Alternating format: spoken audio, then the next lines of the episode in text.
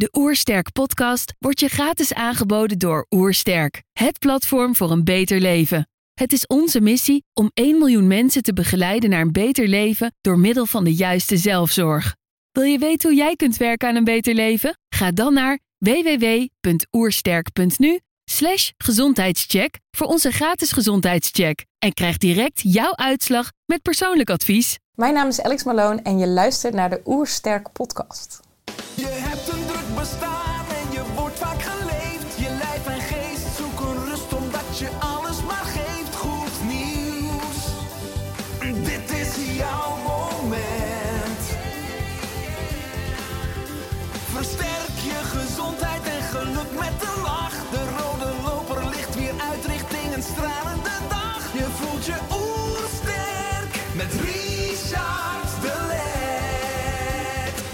We zijn hier in Heemskerk voor een podcast met Alex Malone.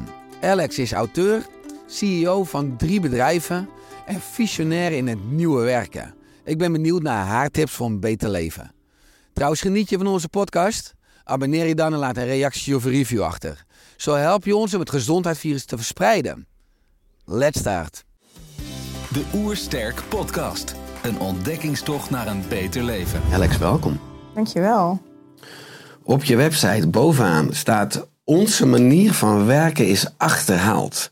Ik ga de wereld van werken veranderen. en waarom is het volgens jou hard nodig?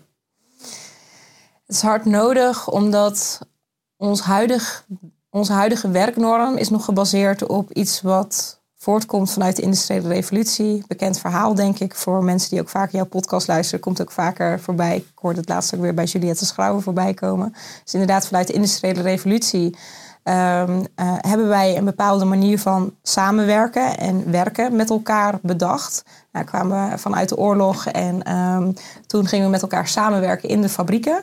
En daar zo ehm, eh, zijn we met elkaar gaan organiseren wat er op dat moment nodig was. Dus een samenwerking om productie eh, te klappen achter de lopende band. En vanuit die tijdsgeest zijn er ge- eh, overtuigingen eigenlijk gekomen in ons werklandschap. Bijvoorbeeld tijd is geld, eh, aanwezigheid staat gelijk aan productiviteit. We hebben managers nodig om te zorgen dat iedereen zijn werk doet op de plek waar die bedoeld is, zodat de productiviteit eh, nog meer omhoog gaat. Dat klopte allemaal voor het fabriekswerken. Dat klopte in die tijd. En dat was blijkbaar waar toen behoefte aan was om toen een nieuwe maatschappij te creëren. Eh, na het opbouwen van.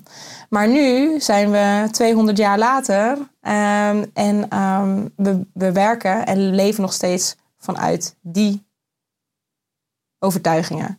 Terwijl nu zouden we eigenlijk weer opnieuw willen kijken naar: oké, waar zijn we nu? Waar hebben we nu behoefte aan? Eh, en hoe kunnen we dat met elkaar gaan vormgeven? En kunnen we die oude overtuigingen die nog voortkomen uit een andere tijdsgeest gaan loslaten om opnieuw te gaan creëren? En die openheid, daar, daar probeer ik aan bij te dragen. Ja, vind ik enorm prikkelend. Gaan we een uurtje op induiken. Want misschien is het wel tijd voor een systeem reset. Hè? Ehm, als ik kijk ook naar jouw levensweg. Er was een moment in jouw leven, voor mij rond 2012, hè, dat je bij een groot reclamebureau werkte. Eh, en je had eigenlijk alles wat je altijd had gewild. Hè? Een goed salaris, leuke teamleden, leuke klanten. Maar toch was je ongelukkig. Er werd je een vast contract aangeboden. Je besloot het af te slaan. En je boekte een ticket naar Cuba, hè, naar Zuid-Amerika. Ja. Uh, nou, daar hadden ze dus een hele andere benadering van tijd. Hè, in plaats van hier dat tijd is geld. Uh, maar hoe was dat, die overgang?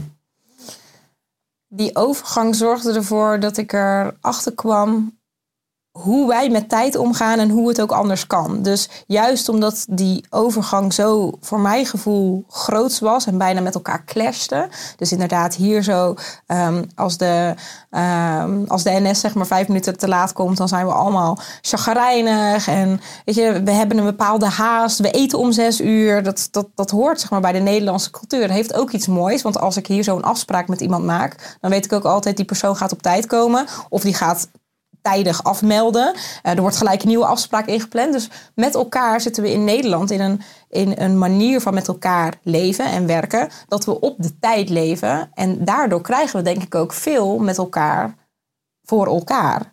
omdat er zo'n afspraken gemaakt worden en we leven met elkaar in, oké, we, een commitment maken we, we maken een afspraak en dat gaan we dan ook doen eh, op die tijd. en dan kan het heel snel gaan. Ehm, maar daarin zat voor mij ook een bepaalde gehaastheid en ook ehm, eh, dat het niet meer klopte bij wat mijn eigen persoonlijke ritme was. Dus ik ging heel erg mee in het ritme van de maatschappij. Eh 9 tot 5 werken, vijf dagen in de week. En dat was iets wat ik eigenlijk al heel apart vond toen ik nog op school zat. Ehm, vijf dagen in de week naar school, twee dagen vrij. Vond ik met mijn kinderbrein oneerlijk. Hoezo vijf dagen naar school en maar twee dagen vrij? Hoezo is dat niet anders georganiseerd? Dat Nou, vroeg je toen alleen je moeder, hè? ja, ik vroeg toen nog naar mijn moeder. En eh, dat heb ik eigenlijk altijd een soort van onderliggend gevoeld, ook tijdens mijn werk.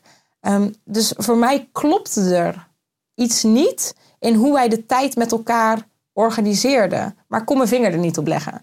Totdat ik dus naar Zuid-Amerika ging en in één keer ervaarde hoe het was om zonder die chronologische tijd, de tijd die wegtikt op de klok, om daarmee te leven. En dus heel erg op mijn eigen ritme te leven. En het eigen ritme was veel meer verbonden met de natuur. Dus het opstaan met de zon, het gaan slapen wanneer de zon ondergaat, eh, eten wanneer ik honger had. En dat klinkt allemaal heel logisch, maar zo logisch is het eigenlijk niet. Want bijvoorbeeld als ik moe ben in Nederland en ik zeg om half acht, als ik dan moe ben, ik ga naar bed, dan kan iemand anders zeggen, "Oh, hoezo, het is nog maar half acht. Dan denk ik, ja, maar wat maakt dat nou uit dat het half acht is? Omdat wij normaal als volwassen mensen pas om tien uur of om elf uur naar bed gaan. Ik vind dat onlogisch. Maar het is wel onze norm geworden. En in Zuid-Amerika ging dus heel erg ja, mijn eigen ritme ontdekken. En kwam ik erachter dat dat veel meer in lijn was met de natuur. En dat voelde voor mij heel natuurlijk, letterlijk. Heel goed. En ehm, ja, dat was voor mij een, een wereld van verschil. En, en dat was het begin van mezelf veel vragen stellen over wat is tijd eigenlijk? En ehm, hoe kan ik tijd voor me laten werken? Hoe kan ik tijd gebruiken? Waar wil ik mijn tijd aan geven? Ehm, daar zitten essentiële vragen in. En tijd is een heel mooi thema om diep in te duiken. En er zitten zoveel antwoorden in. Maar tijd is ook een gegeven. Op het moment dat je er niet over nadenkt, dan is het gewoon tijd die wegtikt op de klok. En je agenda staat vol en je tijd wordt beheerd. En iemand anders heeft ehm, het beslag op jouw tijd. Dus jouw baas bepaalt jouw tijd. Je moet letterlijk vakantie aanvragen. En dat wordt goedgekeurd of soms ook afgekeurd. What the fuck? Mag ik dat zeggen? Je mag alles zeggen. Het is gezegd, dus het kan er maar uit zijn. Ja, ik vind dat absurd dat, dat, dat, dat ik niet over mijn eigen tijd mag beslissen wanneer ik vrije tijd pak of nodig heb, misschien zelfs. Dus ik werk ehm, een heel jaar, vijf dagen in de week of 36 uur per week, maakt eigenlijk niet uit. Doe ik mijn best voor de baas. En dan op het moment dat ik tijd ook voor mij wil, dan moet ik dat aanvragen en kan het ook nog afgekeurd worden. Ja, ik krijg letterlijk, als ik dit zo tegen jou zeg, dan voel ik het gewoon. Dan voel ik gewoon de stress in mijn lichaam omhoog komen. Alsof dit zeg maar bij mijn keel wordt dichtgeknepen. En denk, wow, dat is heftig. Dan voel ik weer alsof ik zeg maar in dat ratje zit wat maar door blijft gaan. En waar ik maar alleen maar harder en harder moet rennen om het bij te kunnen houden. Dat is, dat is het gevoel van wat de tijd in Nederland mij gaf. Ja. Ja, want misschien mooi dat jij het ook, het concept tijd dan met vallen en opstaan hebt geleerd. Want je leerde in Zuid-Amerika een hele andere benadering van tijd kennen. Eh, maar na zes maanden in Zuid-Amerika besloot je terug te gaan naar Nederland. Maar wel met twee regels. Eh, wat waren deze regels en slaagde dit voornemen? Ja. ja, ik maakte inderdaad een, eh, een belofte om, ehm, om zelf de eigenaar te worden van mijn tijd. Dus mijn tijd is van mij en niemand gaat meer vertellen wat ik met mijn tijd ga doen. Maar dat betekent dus ook dat ik eigenaarschap ga pakken over... oké, ik ga mijn tijd geven aan datgene wat mij echt gelukkig maakt. Dat was mijn eerste belofte. Mijn tweede belofte was ehm, eh, dat ik mijn energie ging geven aan dat dat me meer energie teruggaf. Dus echt zeg maar gekeken naar. Ik wilde mijn energie niet meer geven aan dingen waar ik niet achter stond of waar ik niet in geloofde. Maar echt ehm, ja, met klanten werken, met mensen werken, met nou, eigenlijk gewoon alles mijn energie geven aan dat wat mij energie teruggeeft. En niet wat me te veel energie kost. Dat waren de twee beloftes. Ja, want vond ik leuk, wat vond ik zelf ook wel herkenbaar hoor, mijn eigen leven. Dat eh, je toch weer een beetje terugviel. Enerzijds door een toxische omgeving, anderzijds door belemmerende overtuigingen. Die juist in die omgeving waren ontstaan. Hè, waar je eigenlijk ontsnapt was toen je in Zuid-Amerika was. Uh, en lang verhaal kort, je besloot toen om weer te vertrekken. Ja, Volgens mij ging je toen naar Australië toe. klopt. Hè, waar je met een auto rondreisde. Eh, en uiteindelijk kreeg je in jouw wereld dan een bekend reclamebureau, volgens mij in Melbourne. Hè? Ja, Kreeg je nou ja, in ieder geval een kans aangeboden en die, eh, en die greep je. Eh, en voor mij, ook daar viel je dan weer terug in oude patronen. ja zeker. Ja, het, was niet, het was niet dat vanaf dat moment dat ik die belofte had gemaakt, dat het gelijk super makkelijk ging. En dat het was van: oké, nou, ik heb die belofte gemaakt. En eh, nou, eh, mijn tijd wordt alleen nog maar uitgegeven aan, aan datgene wat me gelukkig maakt. En weet je, ik kwam er juist achter door die keuze die ik had gemaakt, hoe, hoe geconditioneerd ik was. En ik denk dat dat ook de kracht van keuze is. Op het moment dat je een keuze maakt en je gaat een bepaald pad op, dan word je vervolgens getest op dat pad. En daar zit je groei. En daar zitten je lessen. En, en dat hoort bij een keuze. Dus ik had die belofte gemaakt en toen kwamen ze alle testen om ervoor te zorgen. Sorry.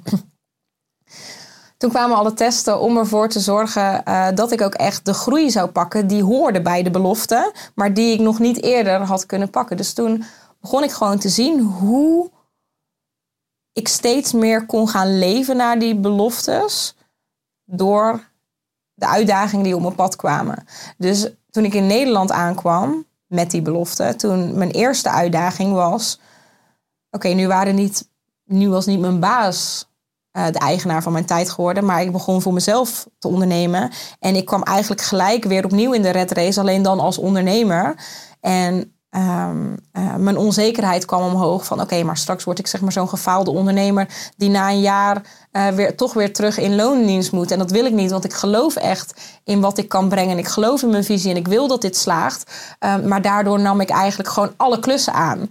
En ging ik alsnog niet doen wat ik echt wilde gaan doen. Want ik was gewoon eerst te bang dat ik failliet zou gaan. Of dat ik zeg maar weer terug ehm, eh, ja, loondienst in moest. Dus ik wilde, ik wilde per se een bepaald succes, tussen haakjes, behalen als ondernemer. Dus ik ging maar gewoon aannemen wat ik wil, moest aannemen... om te zorgen dat ik financieel uh, een bepaalde basis had. Nou, ik denk dat dit voor heel veel uh, startende ondernemers ook bekend in de oren zal klinken. Van oké, je maakt die, die, die, die spannende stap om voor jezelf te beginnen. Maar dan, dan is het ook gewoon oogkleppen op en rennen, zodat je, zodat je boven water blijft. Nou, en als je dan door die fase heen bent. Uh, en je hebt een bepaalde financiële basis en je, en je ervaart dat, dat je tijd in één keer helemaal is opgeslokt door klussen, dan kom je in de volgende fase dat je denkt van oké, ik mag nu weer opnieuw naar mijn tijd kritisch gaan kijken, naar de waarde die ik kan leveren. En ik mag nu heel kritisch gaan kijken van oké, welke, welke soort klanten, welke soort klussen, welke soort werkzaamheden passen er nou wel echt bij mij en welke ga ik ook loslaten, omdat ik die eigenlijk gewoon puur vanuit angst ben aangenomen, omdat ik gewoon maar probeer mijn hoofd boven water te houden. Nou, dat was ook de tweede fase waar ik doorheen ging. En um, ik kwam er ook heel erg achter dat het ondernemerschap in Nederland mij ook weer terugzette in inderdaad het systeem. Daar vroeg je net naar van.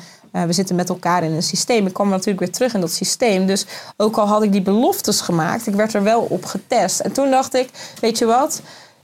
Hoe ga ik de beperkte overtuigingen die in mij leven, hoe ga ik die eigenlijk overkomen op het moment dat ik in een, um, um, uh, in een omgeving ben waar die overtuigingen leven, die ze letterlijk gecreëerd hebben, die deze overtuigingen in mij hebben gecreëerd.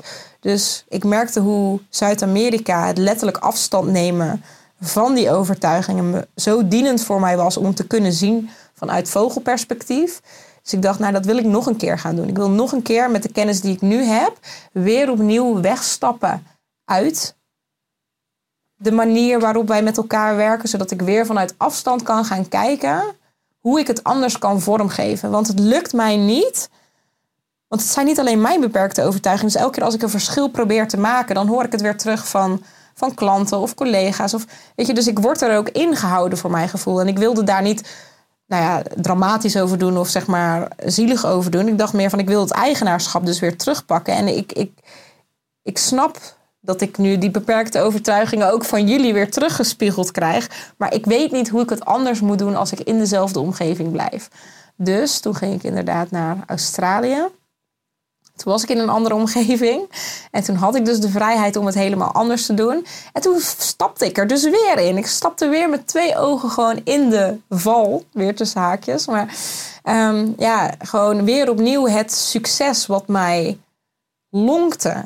Want het was inderdaad een prestigieus, prestigieuze naam in reclameland. Een internationaal bureau. Wat al tijdens mijn opleiding genoemd werd als een van de reclamebureaus. Als je daar kunt werken, ja, dan, ja, dan heb je het wel gemaakt. En opnieuw was ik als een soort van exter die op een glimmend dingetje afging. Van oké, wauw, ik mag hier nu in Melbourne als stratege aan de slag. Ja, en ik heb daarvoor gekozen. En ik zat op dat kantoor en ik merkte gewoon van. Ik heb het weer gedaan. En ik voelde ook echt van. Ik merkte dat ik, dat ik heel lineair op dat moment ook ging denken van... oké, als ik dit dan nog doe, dan kan ik daarna dat. En die manier van denken, dat lineaire, dat als dan... heb ik later ook echt wel als inzicht gekregen dat dat, dat, dat echt wel onzin is. Dat het je kunt nu echt doen wat jij al voor idee hebt. En het als dan is eigenlijk iets wat jou tegenhoudt om het nu te gaan doen. Het is gewoon een, een, een, een iets wat je veilig houdt. Het is gewoon het reptiele brein wat eigenlijk niet durft om dan voor die groei te kiezen, want dat voelt heel spannend. Dus ja, ik, ik kende een reclamebureau en daar als stratege aan de slag gaan. Ja, dat was gewoon pure veiligheid. En opnieuw aan de andere kant van de wereld, waar in één keer al mijn veiligheid ook wat ik zelf had opgegeven. Ik had mijn huis opgezegd, ik had alle spullen weggedaan. Uh, gewoon al mijn veiligheid in Nederland achtergelaten. En ik voelde gewoon dat het eigenlijk niet meer out of mijn comfortzone was, maar ik zat gewoon in mijn zone of panic en ik heb gewoon weer vastgepakt naar iets wat me veiligheid gaf. En dat was op dat moment een reclamebureau die me een baan aanbood en gewoon uh, hoog salaris, ook veel meer salaris dan in Nederland. Daar liggen de salarissen sowieso hoger. Het was echt als een extra gewoon, pam, weer weg. Totdat ik daar dus zat. En, ehm, en weer ging rennen ook in dat, uh, in dat ratje. Hè. Gewoon gelijk weer al mijn skills inzetten. Energie, tijd eraan geven. Ehm, Vele uren ook, hè? Vele en uren. Totdat je dan op een dag de boodschap krijgt van... Hè, we willen niet meer met je verder. Ja. En ook eigenlijk de presentatie waar je vier maanden mee bezig geweest was... Hè, die Ja. hebben we afgezegd. Dus hè, daar ging ook veel tijd en energie... ehm, Pijnlijk moment. Pijnlijk moment. Klap in mijn gezicht. Eh, want ik denk dat ik zelfs, en het is supergoed dat het is gebeurd, want ik was dus weer in dat ratje aan het rennen. En er kwam weer gewoon een stuk onbewustzijn terug door die onveiligheid waar ik me eigenlijk in had gezet. En toen eh, was het dus inderdaad zo, ik, ik, ik werden me gouden bergen beloofd. Dus ik kreeg ook een, eh, een visum dat ik langer in Australië mocht blijven. En nou, daar hebben we dus ook onze reis voor aan de kant gezet. Dus ik, ik, ja, ik kan niet anders zeggen, ik ben echt verblind geraakt door de, door de kansen. En op de allerlaatste dag van mijn proeftijd, toen werd ik dus inderdaad eh, kantoor ingeroepen. En toen was het van, eh, nou, je hebt echt supergoed gedaan. Ik had, veel, ik had veel geld ook binnengehaald voor het bureau, want ik was de enige strateeg. Ehm, en ehm, ja, toen was het was eigenlijk het, ding van, ja, we- je hebt het supergoed gedaan. Maar we hebben nu toch besloten op de laatste dag van jouw proeftijd dat we geen stratege nodig hebben, maar een projectmanager. En ja, jij bent geen projectmanager, dus en je mag nu vertrekken. En ik vroeg ook nog zo van, ja, hoe gaat het dan met die presentatie die ik dan morgen heb? Ja, dat hoeft ook niet meer. En echt met de stille trom vertrekken. Geen afscheid nemen van collega's. Gewoon echt zoals je het zeg maar in Amerikaanse films ziet. Gewoon echt zo, ja, weg via de achterdeur, ja. via de achterdeur weg. En ehm, dat betekende dus ook dat we nog maar een maand in eh, Australië hadden. Eh, omdat mijn originele toeristenvisum afliep.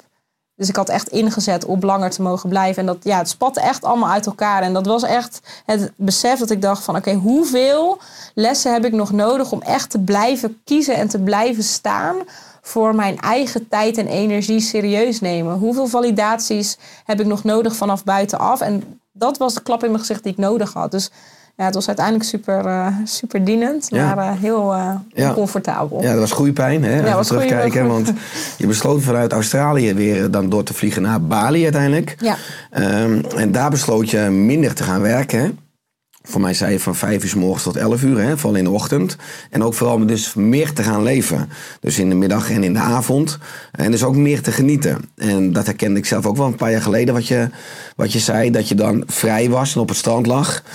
Eh, maar dat het door een stemmetje in je hoofd was. Of je systeem moest er afkicken. Van ja, zo iedereen is aan het werk. En ik lig hier maar te nietsen. Is er ook zonde? Of, eh, eh, maar na drie weken stopte dit piekeren. En startte je nieuwe routine. Maar was het ook letterlijk, dus bijna fysiek en mentaal, dus afkicken van Ja. een ander ritme gaan lopen dan Ja. wat iedereen doet? Ja, ja, zo heb ik het echt ervaren. Ja, echt als afkikker. Gewoon, ik, ik, ik lag eigenlijk gewoon als een, als een werkjunkie op het strand. Ik moet genieten. En het lukte gewoon niet, want ik dacht alleen maar.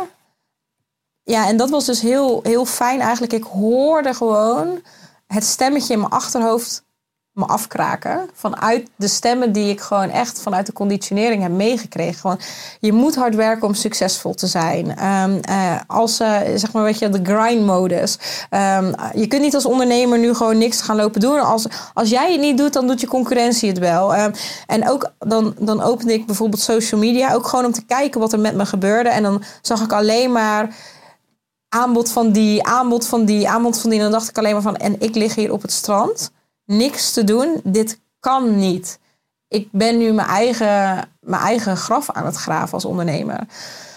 Dat was wat ik voelde. Ik voelde me ook heel nutteloos. Eh, ongeacht dat ik dus van 5 tot 11 nuttig en goed werk voor mijn klant had gedaan. En, en dat zij tevreden waren en blij. Dat werd allemaal in de middag teniet gedaan. Gewoon, eh, je bent niks aan het toevoegen. ehm, eh, je gebruikt deze uren niet waardevol. ehm, eh, je bent er niet waard om hier op het strand te liggen. Waarom ga je dit niet gebruiken om, om geld te verdienen? Het kan helemaal. Ja, gewoon. Het werd gewoon de hele tijd geconfronteerd met mijn eigen gedachten dat het niet kon. Ehm, en als die er even niet waren, dan was het in ieder geval niet dat ik genietend op het strand lag. Want wat er ook gebeurde was dat er ideeën kwamen. Dus, oh, ik kon daar een nieuw, eh, nieuw product lanceren. Of ik kon dat doen voor die klant. Of ik kon deze teksten schrijven. Of, en dan wilde ik dat ook gaan uitwerken. Want ik merkte gewoon de creativiteit ook die door mijn vingers stroomde. Omdat ik rust en ruimte nam.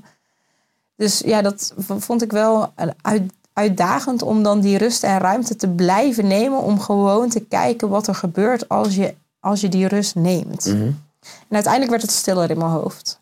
Ja, want dat vind ik ook inspirerend hè, dat je ook beschrijft eh, als digital nomad, hè, dat je op enorm veel maar mooie plekken op de wereld bent geweest, van mooie ervaringen hebt gehad.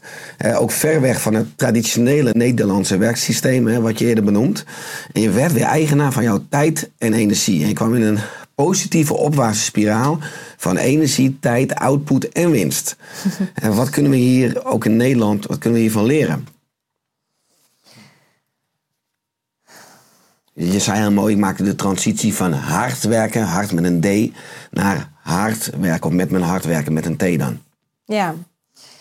Ehm, nou, er zitten heel veel lessen in, maar het begint denk ik bij de stap dat je dus gaat kijken of jij je tijd geeft aan iets wat jou gelukkig maakt. En daar zit dus de transitie van hard werken op de tijd naar hard werken met je hart.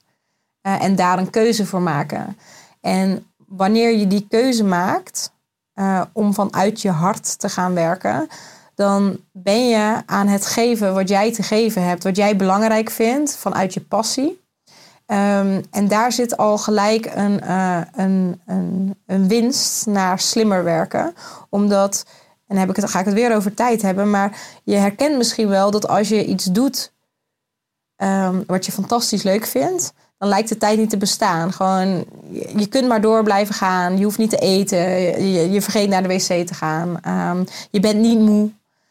Eh, je gaat maar door. En dat is gewoon echt die creatiekracht die door jou heen stroomt. Ehm, en die gaat niet over tijd. Die gaat over creëren vanuit je hart. Het geven. Het geven wat jij te geven hebt. Ehm, en daarmee creëer je tijd. Want in zo'n dag zet je veel meer acties uit die weer een impact hebben op de wereld, die vervolgens resultaten ehm, met zich meebrengen.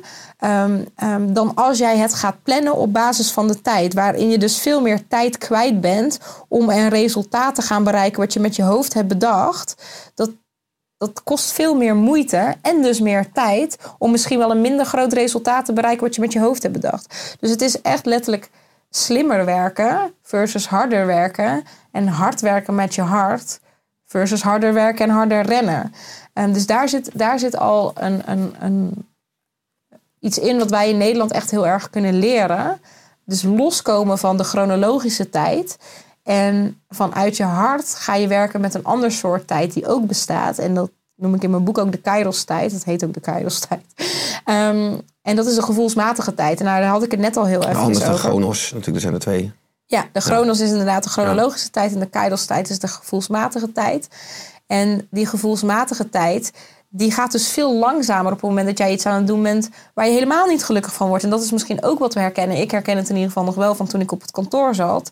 Ook al deed ik qua inhoud wel iets wat ik, wat ik vet vond en waar ik goed in was. De manier waarop paste niet bij mij. Dus dan wilde ik eigenlijk aan de ene klant werken, omdat ik daar op dat moment de, de, i- ideeën voor had en de energie voor voelde. Maar ik stond ingepland op een andere klant waar een deadline voor was. Dus iemand anders bepaalde wanneer ik waaraan moest werken. En dat werkte zo tegen mijn natuur in dat ik de hele tijd op de klok zat te kijken van oké, wanneer is het pauze? Want ik heb iets nodig om, om weer eventjes op te laden. Of ik, ik dronk veel koffie. Of weet je, ik had de hele tijd externe middelen nodig om me maar erbij te houden. Dat, dat is nu niet meer. Ja, dat vind ik mooi, want vanuit die ervaringen zeg je vanaf toen wist ik, het is mijn taak om een manier van werken te definiëren, waardoor werken ons geen tijd en energie kost, maar juist oplevert. Ja. En nou, dat heeft geleid tot je methode Holywork, hè, waar ik zo denk ik ook wat dieper op in zal gaan. Maar het is misschien nog wel heel interessant als je nu ook kijkt naar in Nederland, en ook misschien voor herkenbaar voor veel luisteraars en kijkers, dat er misschien relatief veel angst of schaarste is. Maar dat heel veel mensen zeggen van ja, ik werk nou helemaal voor mijn salaris. Ik ben helemaal niet per se bezig met vind ik het leuk of ik vind het helemaal niet per se leuk. En ja, we moeten allemaal 40 uur in de week werken. We werken allemaal van 9 tot 5 of we werken allemaal ploegendiensten. Ehm, ja, eh, het is voor mij geen luxe. Nou, in ieder geval, misschien, of noem, het excuses, of noem het argumenten. Maar zou jij misschien ook vaak horen, hoe kijk jij hiernaar? Dat eh, misschien jij en ik, jij weer op een ander gebied, je bent toch pioniers. En dat het, grote, het overgrote deel zit nog in een, eh, nou niet in een ander bewustzijn of in een andere werkelijkheid. Maar er valt nog een brug te bouwen. Ja, ja. Ehm, ik denk dat, dat het aan ons, nee, je zegt net pioniers, ik denk dat het aan, aan pioniers de taak is om het heel klein te maken.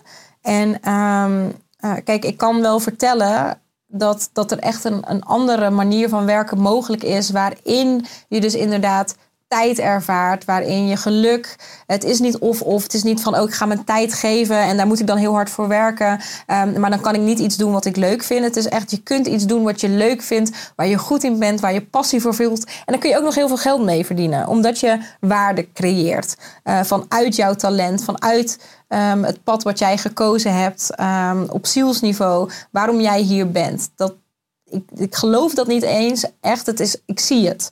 Ik zie het, ik maak het mee. Ehm, dus die, die realiteit bestaat. Maar ik snap ook dat op het moment dat je daar nu niet bent en je zit inderdaad in eh, het beeld wat jij schetst, eh, wat ook een. ehm, eh, wat ook een realiteit is. Oké, maar ik moet gewoon mijn, ehm, eh, mijn hypotheek betalen. Ik moet gewoon hard werken. Ik kan dit niet, want ik heb kinderen. Want ik heb een baas die mij niet remote laat werken. Die me geen vrijheid geeft. Eh, ik werk in, ehm, eh, in het onderwijs, in de zorg, in de advocatuur. En daar is dat niet zo. We werken op de klok. Zo is dat nou eenmaal. Ik weet ook die realiteit.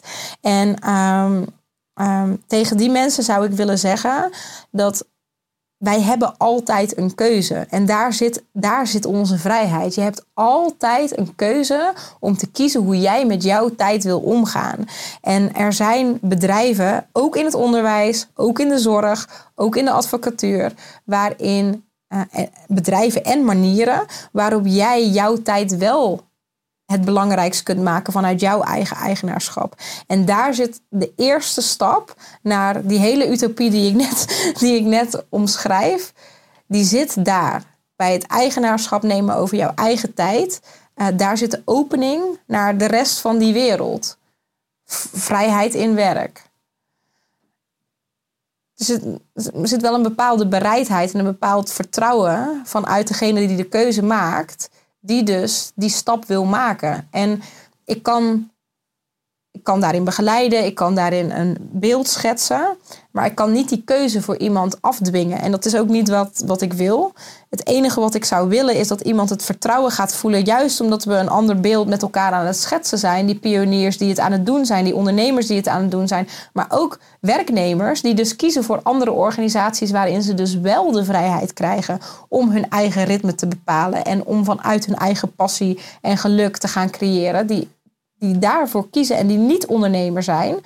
Ehm, door dat beeld te laten zien, hoop ik dat er steeds meer mensen vanuit eigenwaarde hun eigen tijd en energie belangrijk gaan vinden. Want het is eigenlijk de belangrijkste resource die we hebben.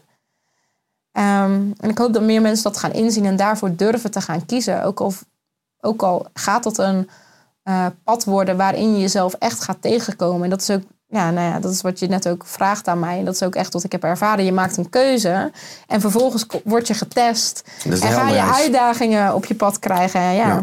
ja, want ik noemde net, je hebt een methode ontwikkeld, hè, Holywork. Eh Holywork gaat over werken op een manier die echt past bij wie jij diep van binnen bent. En wat zijn de belangrijkste principes van Holywork? Ehm, de belangrijkste principes eh, vanuit Holywork is dat je ehm, vanuit je missie gaat werken, gaat leven eigenlijk. Ehm, en dat betekent dat je een stukje zelfonderzoek gaat doen naar ehm, wie ben je, waarom ben je hier gekomen, waarom vind je het belangrijk ehm, om te doen wat je doet. Dus als jij in een baan zit en je komt erachter dat je, die eigenlijk helemaal, dat je dat eigenlijk helemaal niet zo belangrijk vindt, ja, is dat dan wel jouw plek? Wat zijn je passies? Wat zijn je skills? Eh, wat zijn je frustraties? Ehm, en waar wil je echt aan bijdragen? Wat vind je super belangrijk om een verschil in te maken? En ik geloof dat iedereen hier komt om een verschil te maken. Op klein niveau, op mondiaal niveau. Eh, iedereen komt hier om een verschil te maken. En dat is eigenlijk het, het begin. Dat je daarvoor gaat kiezen. En vanuit daar ehm, eh, ga je je acties naar waarheid vanuit wie je diep van binnen bent, ga je uitzetten. En dat, dat kan in een bedrijf, dus door de founder te worden van een bedrijf. Maar dat kan ook door je te voegen eh, in een bedrijf wat al bestaat, waarop je dus elkaar ontmoet vanuit missie.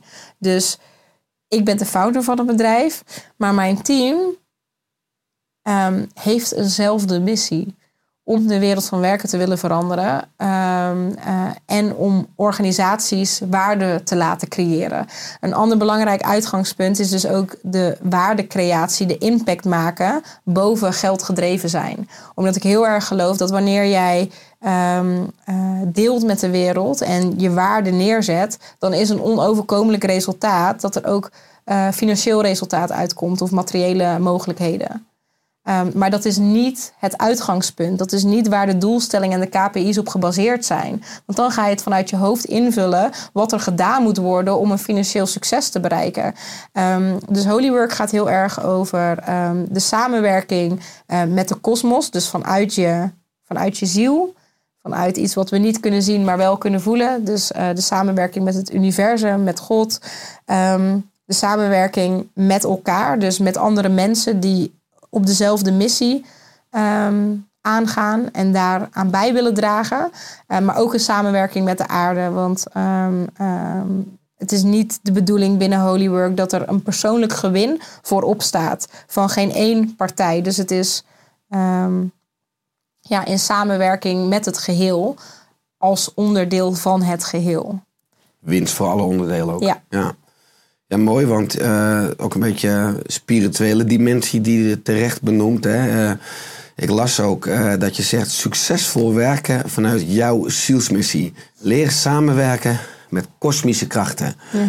Hè, als mensen dan nu ook luisteren of kijken en denken... ja, potverdikke, ik herken het ook wel een beetje...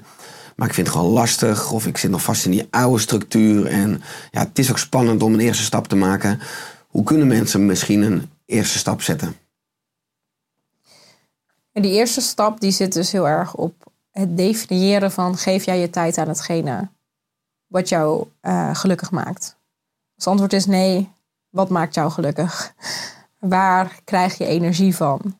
Ga daar eens meer tijd aan besteden. Ehm, heb jij het gevoel dat je van waarde bent binnen het werk wat je doet? Uh, of ben jij vervangbaar? En dat zijn oncomfortabele vragen, maar dat zijn wel goede vragen om te stellen. Is het zeg maar zo dat als jij bijvoorbeeld inderdaad uitvalt met een burn-out, um, uh, ga je dan een revalidatieproces in en wordt, jou, wordt jouw positie gewoon gevuld door iemand anders? Ja, dan ben jij vervangbaar. Dan is het niet dat jij met jouw unieke talenten en jouw unieke visie een heel belangrijk stuk in dat geheel speelt.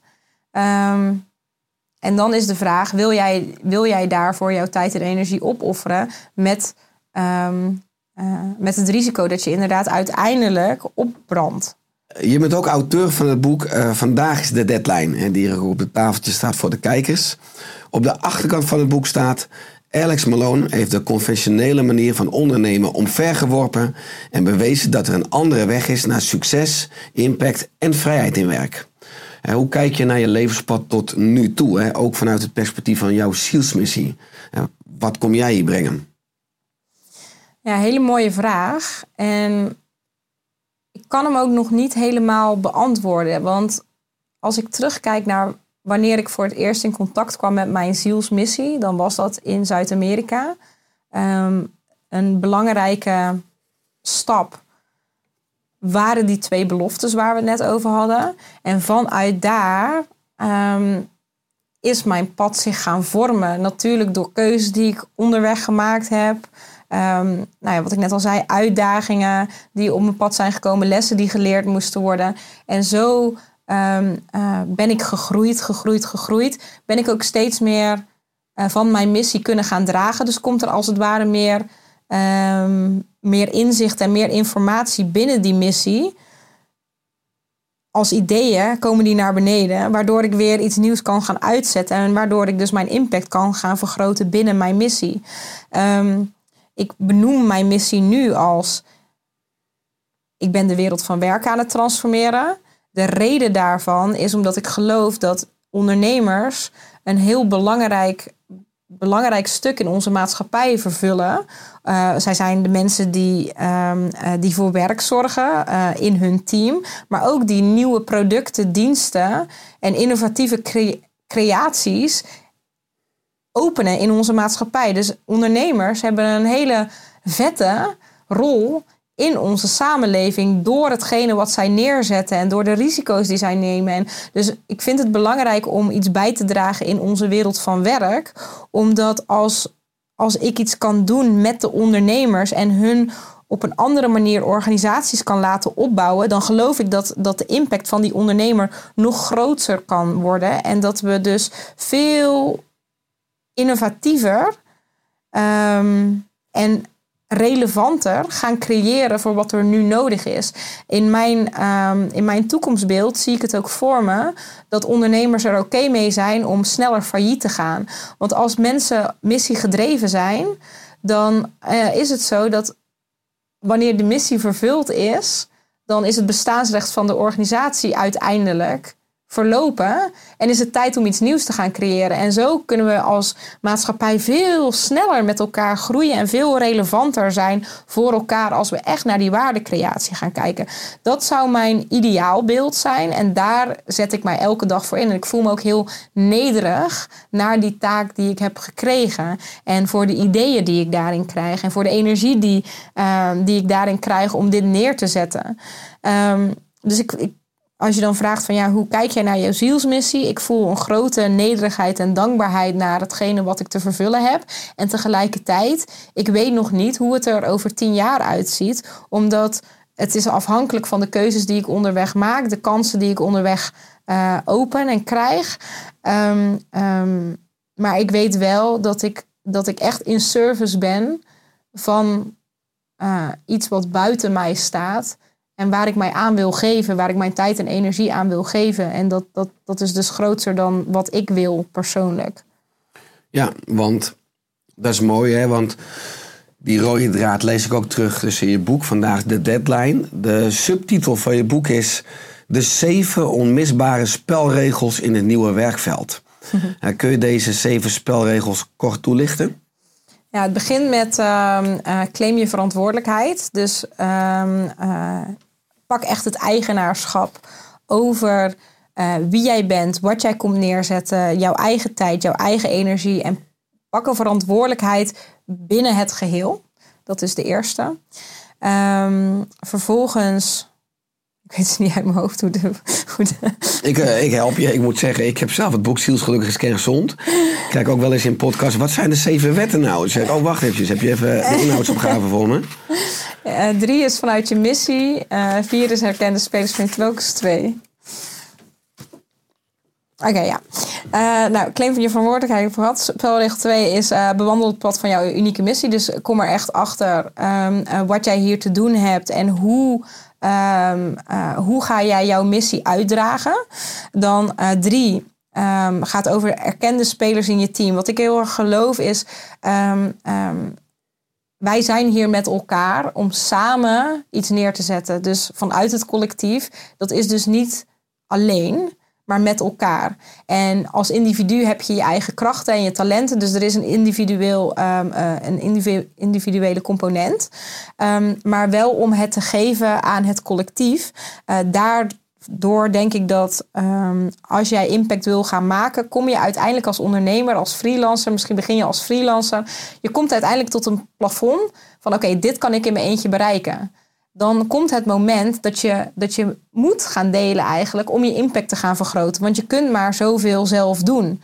Ehm, en het is ook heel mooi om dat te gaan delen en het niet meer alleen te moeten doen of te willen doen.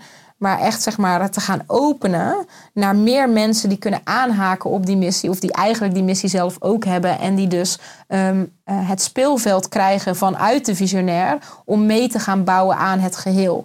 Ehm, erkende spelers in je team. Dit hoofdstuk gaat heel erg over eh, de dynamieken die in een team ontstaan. Wanneer één iemand dus zich ehm, als visionair positioneert. Eh, en hoe is dat voor de rest van het team? Eh, dus het gaat over leiderschap. Het gaat over, ehm, ehm, ja, over hoe onzekerheden of juist stukken uit het ego ervoor kunnen zorgen dat een samenwerking ehm, stuk loopt, spaak loopt. doordat er geen erkenning is naar elkaars rol. Dan spelregel 4, breng creativiteit en structuur met elkaar in balans. Wat ik zie in, het huidige, in de huidige werknorm is dat structuur het heeft overgenomen. We leven in de valse perceptie dat we ehm, succes kunnen plannen. Dat we door, ehm, eh, als we een succes hebben gehad, dat we het moeten vastpakken. Eh, dat we daar zo onze doelstellingen, onze KPI's op eh, hebben. Dat we dat helemaal proberen dicht te timmeren. Waardoor de planmatigheid het eigenlijk overneemt van de levensenergie die in een bedrijf zat. Eh, en waar het uit ontstaan is. Dus echt de creatie-energie, de creatiekracht. ehm, eh, die verdwijnt wanneer structuur het overneemt. En ehm, deze spelregel gaat over dat creativiteit en structuur met elkaar in balans zijn. Want als het alleen maar levensenergie en alleen maar creativiteit is, dan, ja, dan gaat het alle kanten op. Dus we hebben wel die bedding nodig van de rivier om de rivier te kunnen laten stromen. Daar gaat dit ehm, eh, hoofdstuk over. Dan spelregel 5 gaat over het beheren van je idee. Eh, dit hoofdstuk is ook echt geschreven naar de visionairs, dus de mensen en eigenlijk iedereen. Iedereen krijgt ideeën binnen.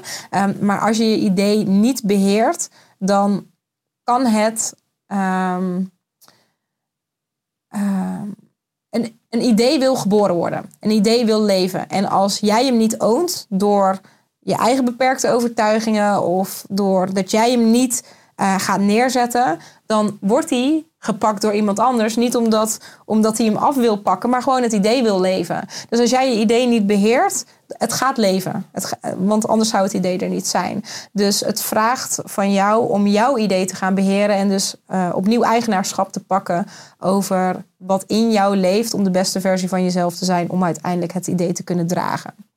Daar gaat dit hoofdstuk over. Spelregel 6. Maak je los van de macht van geld. Ik zei net al, in, het oude, eh, in de oude manier van werken ehm, zijn veel bedrijven geldgedreven. Ehm, in de nieuwe manier gaat het over missiegedreven eh, organisaties.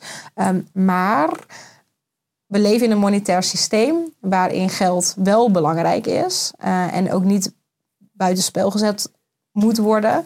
Maar als jij nog, net als wat ik had in Melbourne, toen MC Saatchi ehm, mij een baan aanbood, toen werd ik eigenlijk weer teruggeloopt in de macht van geld en in eigenlijk de macht die geld had op mijn zekerheid, op mijn gevoel van zekerheid. Dus geld heeft een kracht om ehm, een bepaalde validatie te geven aan je eigen waarde of jou een bepaald gevoel van zekerheid te geven, schijnzekerheid te geven. En op het moment dat je daar niet los van gekoppeld bent, dan kun jij zo weer loepen en zit je er zo weer in en ben je weer in dat ro- eh, ratje aan het rennen achter geld aan. Ik heb, en ik heb het ook gehad in het andere voorbeeld wat ik zei. Ik kwam ehm, als ZZP'er terug in Nederland.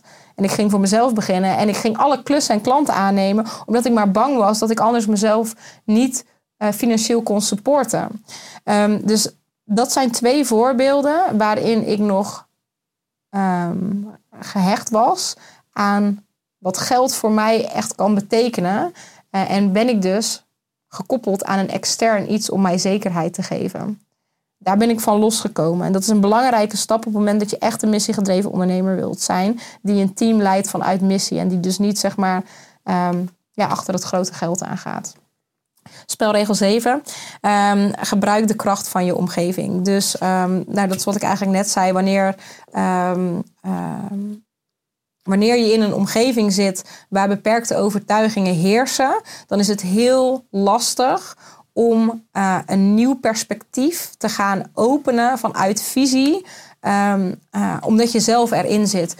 De kracht van omgeving zegt eigenlijk stap er even uit, kijk er met andere ogen en ander perspectief naar en ga creëren vanuit een hele nieuwe omgeving om daar zo met iets nieuws terug te komen. Dit is letterlijk ehm, een, een, ehm, een theorie die komt vanuit NLP, dus de transformatieladder. Ik vind het een heel vet, vet iets om gebruik van te maken, want het zegt eigenlijk wanneer jij je omgeving wijzigt, wijzigt ook je gedrag als automatisch. Je kunt niet anders. Als ik hier zo eh, woon eh, in Nederland en werk in een reclamebureau, ik woon in Amsterdam, dan hoort daar bepaald gedrag bij. Dat gedrag is compleet anders dan als ik naar Zuid-Amerika in mijn eentje ga reizen en de taal en de cultuur niet ken. Mijn gedrag wordt aangepast op de omgeving die helemaal nieuw voor mij is. Doordat mijn gedrag wordt aangepast door de omgeving die ik heb gewijzigd, wat er gebeurt is ehm, mijn skills verruimen ook. Dus ik ga in één keer nieuwe dingen leren. Dat zorgt voor een nieuwe visie over mijzelf. Uh, het zorgt voor meer zelfvertrouwen, uh, maar ook voor mijn rol in de wereld. Dus door mijn omgeving aan te passen naar een compleet nieuwe plek, verandert mijn gedrag, veranderen mijn skills, verandert mijn visie, verandert dus ook het stukje van mijn missie en mijn houding ten opzichte van het collectief wat ik heb toe te voegen, omdat ik letterlijk anders over mezelf denk door ander gedrag, door een andere uh, omgeving. Dus het is een hele makkelijke manier om jezelf instant in transformatie te zetten. Mooi. Ja, want... Uh, verhalen. Ja, nee, ja, dat is mooi. vol. Als ik vraag om zeven spelregels, uh, dan, vraagt het even wat toelichting. Maar uh, ja, een hele andere manier van denken. Uh, je hebt ook een TED-talk gegeven, voor mij in Eindhoven. Uh, heb ik ook bekeken, hè, van 18 minuten. Uh, daarin zeg je, work-life balance hè, is een verzonnen concept. Het bestaat niet in het echt. Terwijl heel veel mensen zeggen altijd, ja, ik, ik moet een beetje werken aan mijn werk, uh, privébalans. Uh, maar wat bedoel je hier precies mee? Wat ik bedoel is dat wanneer jij gaat werken vanuit je hart, dan verschuift de perceptie van wat werk is. Werk is voor mij niet meer iets waar ik mijn tijd en energie aan geef in ruil voor geld. Werk is iets wat zo erg hoort bij wie ik ben. Het is letterlijk de reden dat ik hier ben, wat ik hier kom doen, wat ik kom brengen. Ik kan er mijn hele zijn in kwijt. En doordat ik mijn hele zijn erin kwijt kan, is het voor mij een gegeven dat ik hiermee bezig ben. Het is zo logisch. Ik wil hier ook mee bezig zijn.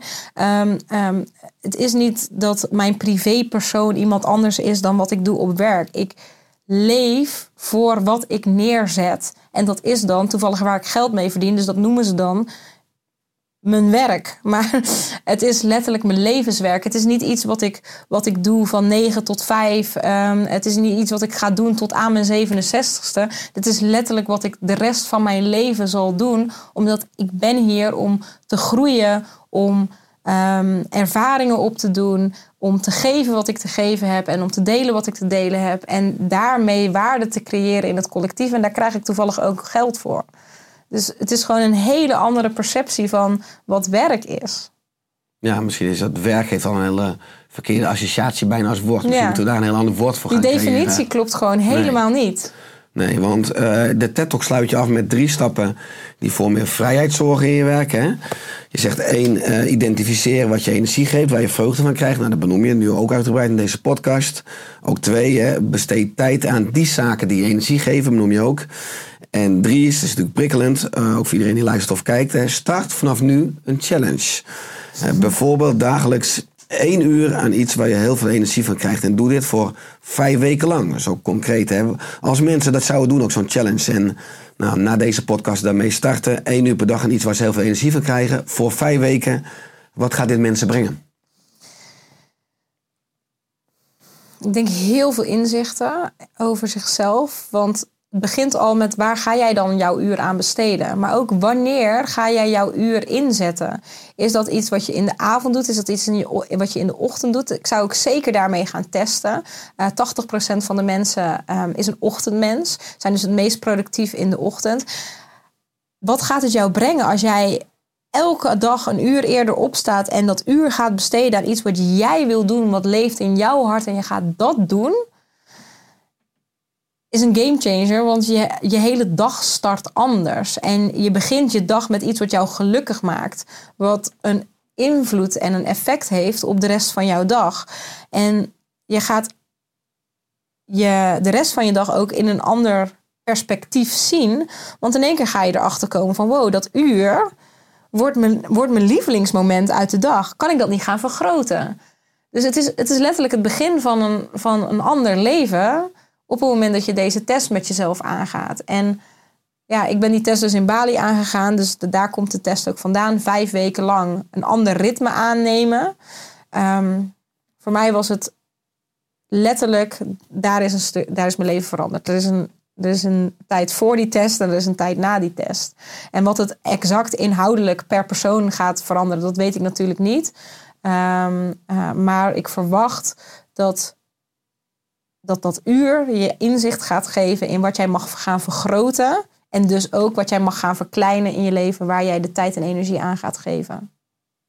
Ja, mooi, want we mogen dus continu kiezen waar we onze tijd en energie aan geven. En eh, je houdt ook meerdere ballen hoog hè, in je leven. Je hebt drie bedrijven. Eh dat komt mogelijk een vierde bedrijf. Ja. Eh, je bent spreker, je bent moeder. Ehm, hoe doe je dit eh, volgens jouw principes? Er zijn er bijvoorbeeld ook weken dat je buiten de lijntjes kleurt. Dat je zegt, ah, die, die theorie die ik uitdraag, het is me deze week even niet gelukt in mijn eigen leven. Ja, ja, ja, ja. Sowieso sinds, eh, sinds ik moeder ben geworden is het natuurlijk ook gewoon meegaan met de behoeftes van eh, Lucas. Lucas is nu tien maanden. Ehm, maar wel ook echt gezegd hebbende door juist het pad wat ik heb bewandeld voordat ik moeder werd. ehm, eh, is mijn tijd nog steeds van mij. Dus de grootste, de grootste, het grootste kritiek wat ik altijd heb gekregen in de afgelopen tien jaar dat ik hiermee bezig ben geweest. Jij hebt makkelijk praten, want je hebt geen kinderen. En ik vond dat best wel een pijnlijke, ehm, pijnlijk, pijnlijk stukje feedback. Want ehm, het voelde voor mij heel oneerlijk. Want ik dacht, ja, maar ik heb zoveel gedaan om dit voor mezelf mogelijk te maken. Ehm, ehm, en het voelde voor mij dat de kinderen ook als een excuus gebruikt werden. Want ik dacht van ja, ik heb ook mijn eigen ehm, uitdagingen gehad die ik heb ook moeten overwinnen. En jouw uitdaging is dus blijkbaar, als je het aan mij zo teruggeeft, dat je ehm, eh, kinderen hebt. Maar hoe ga je daar dan mee om? We hebben allemaal onze eigen verantwoordelijkheden. Maar buitenom die verantwoordelijkheden, en sowieso die verantwoordelijkheden, om heel even heel duidelijk te zijn, die verantwoordelijkheden die komen bij een keuze die je zelf hebt gemaakt. Dus je hebt verantwoordelijkheden gek- gekregen bij een keuze waar je zelf voor hebt gekozen. Maar daaromheen zitten ook heel veel vrijheden. En ehm, ehm, ik merk dus wel, het, het gaat niet altijd, uiteraard, zoals ik van tevoren heb bedacht. Ehm, maar dat vind ik ook. Dat vind ik ook de magie van het leven. Dat vind ik ook het fijne van het leven. Dus het is ook weer opnieuw, wat is je standpunt daarin? Ik sta zo in het leven als dat ik denk van... oké, nou, ik heb gekozen om moeder te worden. Ik wil daar ook echt graag mijn tijd en energie aan, aan insteken. Want ik vind het leuk om met hem te zijn en met hem te leren... en eh, het leven opnieuw te zien door zijn ogen. En ik heb er tijd voor en ik kan er tijd voor maken. En het valt mij dus op dat juist het moederschap heeft me meer focus gebracht. Dus ik heb nu inderdaad nog een extra bedrijf erbij en er komt nu nog een bedrijf bij. En ik, ik kom er gewoon de hele tijd achter dat juist door het groeiproces waar ik doorheen ga, dat ik elke keer meer kan dragen. Dus mijn energie verhoogt, uh, mijn scherpte verhoogt. Um, waardoor ik meer kan in minder tijd. Waardoor ik inderdaad vier bedrijven kan hebben. Um, waardoor ik moeder ben. Waardoor ik dit jaar het boek heb uitgegeven. Terwijl ik dus net ben bevallen. En TEDx heb gedaan nadat ik net ben bevallen. Um, uh, ik ben negen maanden zwanger geweest. Zoals iedereen die, die een kindje heeft gekregen. En ik heb negen maanden lang gewerkt. Tot twee dagen voor de bevalling was ik nog aan het werken. Niet omdat ik geen verlof wilde pakken, maar omdat ik negen maanden lang verlof heb gepakt. Uh, en elke keer gewoon naar behoefte mijn rust heb gepakt. En ook naar behoefte op mijn creativiteit heb ingespeeld. En dat is voor mij vrijheid. En um, uh, vrijheid zit hem gewoon in het besef dat je altijd een keuze hebt. En niemand is slachtoffer van een situatie. Je hebt altijd de keuze om uit die situatie te komen. En als je, dat vind ik zo'n mooie zin. Um, uh, if you don't change it, you choose it. Dat, dat, dat is wel waar ik heel erg voor sta. Op het moment dat je ergens in zit en je bent er niet tevreden over, maar je doet er niks aan, dan kies je eigenlijk daarvoor. Dus dan vind ik wel een beetje ja, stop met zeuren en kom in actie. Dat zeg, ik nu eventjes, dat zeg ik nu eventjes heel bot. Ja. Maar daar komt het wel uiteindelijk op neer. Ja, eigenaarschap, hè? Eigenaarschap. exact. Uh, ja, als ik kijk, uh, niet alleen nationaal, maar ook Europees en wereldwijd. Hè, de wereld draait meer om de economie dan om de ecologie. Als, als je kijkt naar de natuur. Uh, of ehm, volksgezondheid, of ook werkgeluk. Hè. Nou, mijn diepere missie is om de wereld, de aarde vitale door te geven aan de volgende generaties. Uh, dus aan, Noah James, mijn zoon, aan Lucas. Uh, maar zonder vitale ecologie kan er nooit een duurzame economie zijn. Uh, wat is jouw visie hierop en hoe kijk je naar de toekomst? Want ik denk natuurlijk dat die economie steeds meer gaat botsen ook met die ecologie. En dat eigenlijk, jij hebt eigenlijk hele ecologische principes uh, qua uh, werken. Ik heb hele ecologische principes qua gezondheid die ik in de geneeskunde, in de maatschappij probeer te brengen. Dus ik denk dat dat de enige duurzame manier is, maar dat is mijn perspectief. Hoe kijk jij naar de toekomst sowieso van de aarde? Uh, misschien ook onze verantwoordelijkheid als mensheid, maar ook misschien, dus het, misschien wel het in elkaar overgaan, maar dat de ecologie misschien hopelijk leidend gaat worden aan die economie. Ik denk dat dat kan. Ik sta daar erg uh, positief tegenover. En ik zie ook die, ik zie die ontwikkeling gebeuren. Dus ik zie inderdaad, uh, jij zei net het woord pioniers. Ik zie pioniers al langer bezig zijn met hetgene wat jij gelooft, waar ik ook in geloof. Um, nou, de, de mensen die jij in je podcast hebt, dat zijn ook mensen die hierin geloven en die hierin voorop lopen, die hierin aan het creëren zijn. En ik zie dat, zeg maar, de mensen waar ik nu mee werk, um, zijn dus, zeg maar, de mensen die misschien niet in die eerste groep pioniers zaten, maar wel daar vlak achter zitten en die daar ook voor kiezen. Dus die beweging die is gaande. Um, en die is steeds groter aan het worden. En ik denk dat die realiteit die jij schetst, dat die op dit moment gecreëerd wordt. En daarom is het ook zo belangrijk om die eigenaarschap in keuze te maken en daar nu die keuze voor te maken. Omdat nu echt dat moment is waarin we die toekomst met elkaar aan het creëren zijn. Um, dus um, ja, ik sta er wel positief tegenover. en tegelijkertijd, ja, soms kijk ik ook de andere kant op en dan zie ik ook, zeg maar, alsof het, alsof het lijkt alsof zeg maar, um, die economie nog belangrijker aan het worden is. En dat, dat zeg maar, uh, volgens mij zitten we nu op 3,5 aarde die we in Nederland uh, per persoon, uh, of zeg maar als geheel um, opmaken. En loopt dat alleen maar op. Dus het, ik vind het ergens heel apart. En ik weet ook natuurlijk niet hoe dat precies is, want dan zijn er weer onderzoeken die zeggen dit en dat staat er weer tegenover. Dus ja, waar is de waarheid? Mhm. Het enige wat ik kan doen binnen mijn circle of influence is me richten op die visie die jij net schetst en, en daaraan bij te dragen en te zorgen dat er zoveel mogelijk mensen daarvoor kiezen om dat tijd te gaan keren. En uh, nogmaals, ik zie die beweging groter worden. Dus ik sta er wel positief in. Ja, ik ook. Ik ben ook hoopvol. Als je nou een eh, ministerpost krijgt in de nieuwe regering. eh, je wordt minister van vernieuwd werken. En je krijgt carte blanche. eh, ook financieel ga je gang. Doe datgene wat moet gebeuren. Hè, want dit systeem werkt gewoon niet meer. Wat zou je doen? Ik zou als eerste ehm, zorgen dat ondernemen ehm, eh, gestimuleerd wordt. Dus nu zijn er best wel wat wet en regels, wet en regelgeving die het ondernemerschap eh, afremmen en ook het risico heel erg bij de ondernemer liggen. Een van de voorbeelden waar ik het gisteren nog over had, was een ondernemer die heeft iemand aangenomen. Na een maand viel die uit en de komende tien jaar ehm, eh, moet deze ondernemer betalen voor een uitvallende eh, werknemer. Ehm, nou, dan was zij gelukkig goed verzekerd, maar anders zou zij gewoon voor tonnen, de, tonnen gewoon opdraaien. En die verantwoordelijkheid ligt dus bij de ondernemer, waardoor, ehm, eh, waardoor het risico dus ook, ja, het is best wel een groot risico om te nemen. Je mag niet meer met freelancers werken, dus uiteindelijk kom je in een positie dat je het team moet gaan aannemen als vast. Maar ondertussen is het ook dat we een systeem hebben waarin, ehm, waarin er niet gekeken wordt naar een werkgeluk en dat missiegedreven, waardoor er uiteindelijk ehm, die energie daalt in het individu, waardoor de kans op een burn-out groot is. En dan, dus dat cirkeltje, dat zou ik als eerst doorbreken. En ehm, eh, met wet en regelgeving, waardoor het risico weggaat bij de ondernemer en de ondernemer vrij kan, vrij kan ondernemen. Ik zou ook kijken of ik wet en regelgeving kan aanpassen, waardoor het ook aantrekkelijker wordt om, ehm, eh, om failliet te durven gaan. Dus dat mensen dus echt in waardecreatie blijven, ehm, blijven geven. Ik weet niet hoe dat eruit ziet, hè, want, maar dat zijn in ieder geval dingen die ik belangrijk zou vinden om, om naar te gaan kijken. Ehm, ik, zou, ik zou op een hele andere manier het stukje verzekeringen aanpakken met het revalideren ehm, van burn-outs. Maar echt gaan kijken van oké, hoe kunnen we het, hoe kunnen we het preventief, ehm, ehm, ja, hoe kunnen we het gewoon voorkomen?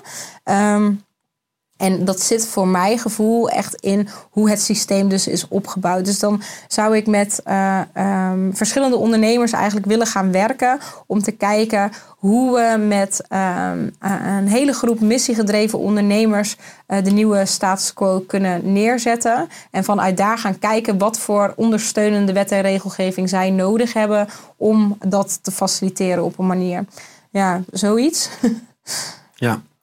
En dat is natuurlijk heel groot. eh, nou ja, ook best uitdagend in de politiek, natuurlijk op nationaal niveau. Wat is jouw eigen missie of droom voor aankomende jaren?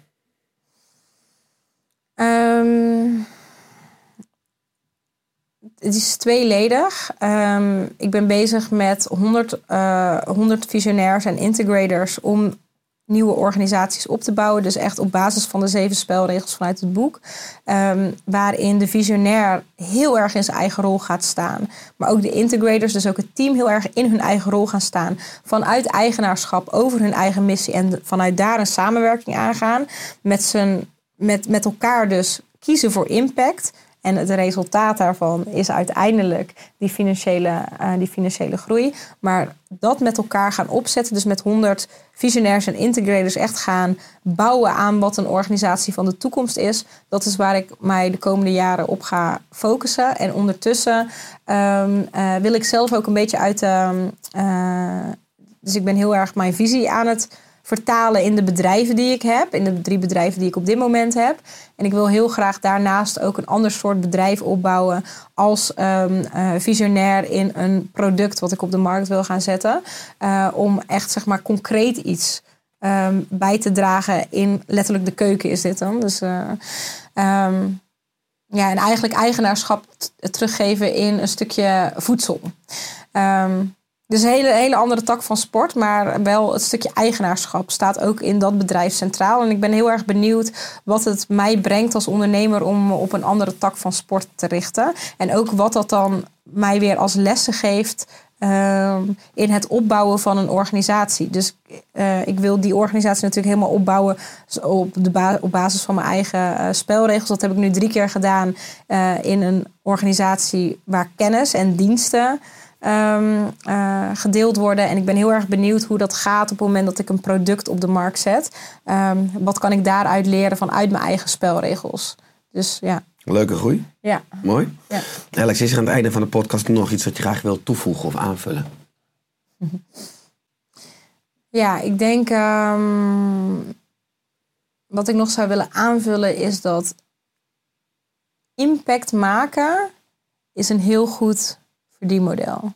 Want als ik zie hoeveel mensen er blijven kiezen dus voor de macht van geld, er zit een belemmerende overtuiging in dat, dat, dat impact maken en goed doen voor de wereld en dat echt doen vanuit niet persoonlijk gewin, maar echt het bijdragen aan het geheel en dus ook de aarde en dus ook je team en ehm, niet hiërarchisch daarin staan, ook als ondernemer of als founder. Als je echt goed wil doen, dat is ook een verdienmodel. Dus die angst die daar onderliggend is, die is, eh, ja, ik hoop dat ik die met deze ene zin weg kan nemen. En de verantwoordelijkheid ook van een ondernemer kan aanspreken dat, kijk, veel ondernemers hebben ontslag genomen van, eh, van een baan omdat ze daar zo niet de vrijheid kregen eh, in hun tijd of in hun ideeën. En zijn ze ondernemer geworden. En dan zijn ze nu een ondernemer die dan bijvoorbeeld graag een zelfsturend team wil, zodat ze zelf weer meer vrijheid krijgen in hun onderneming en gaan uitbesteden, uitbesteden, uitbesteden, zodat ze zelf meer vrijheid hebben. Maar daarmee bouwen ze eigenlijk een organisatie waar ze zelf ontslag van hebben genomen. En daar wil ik voor waken. En daarop wil ik ook echt de ondernemers aanspreken op hun verantwoordelijkheid. Ga een andere soort organisatie opbouwen die duurzamer is. Niet alleen voor jezelf, maar ook met respect voor de tijd van jouw team en voor de energie van jouw team en ook voor het grotere geheel. Dus ja, daar zit echt weer die eigenaarschap en verantwoordelijkheid.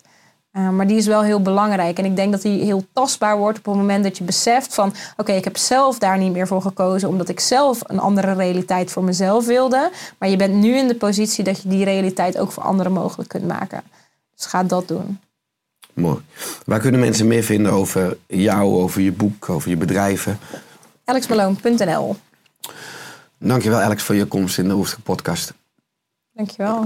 En eh, dat we samen mogen werken aan een eh, wereld met mensen die succesvoller gaan werken door meer aan te sluiten bij zijn of haar zielsmissie. Ja, let's do it. Thanks, alle goed.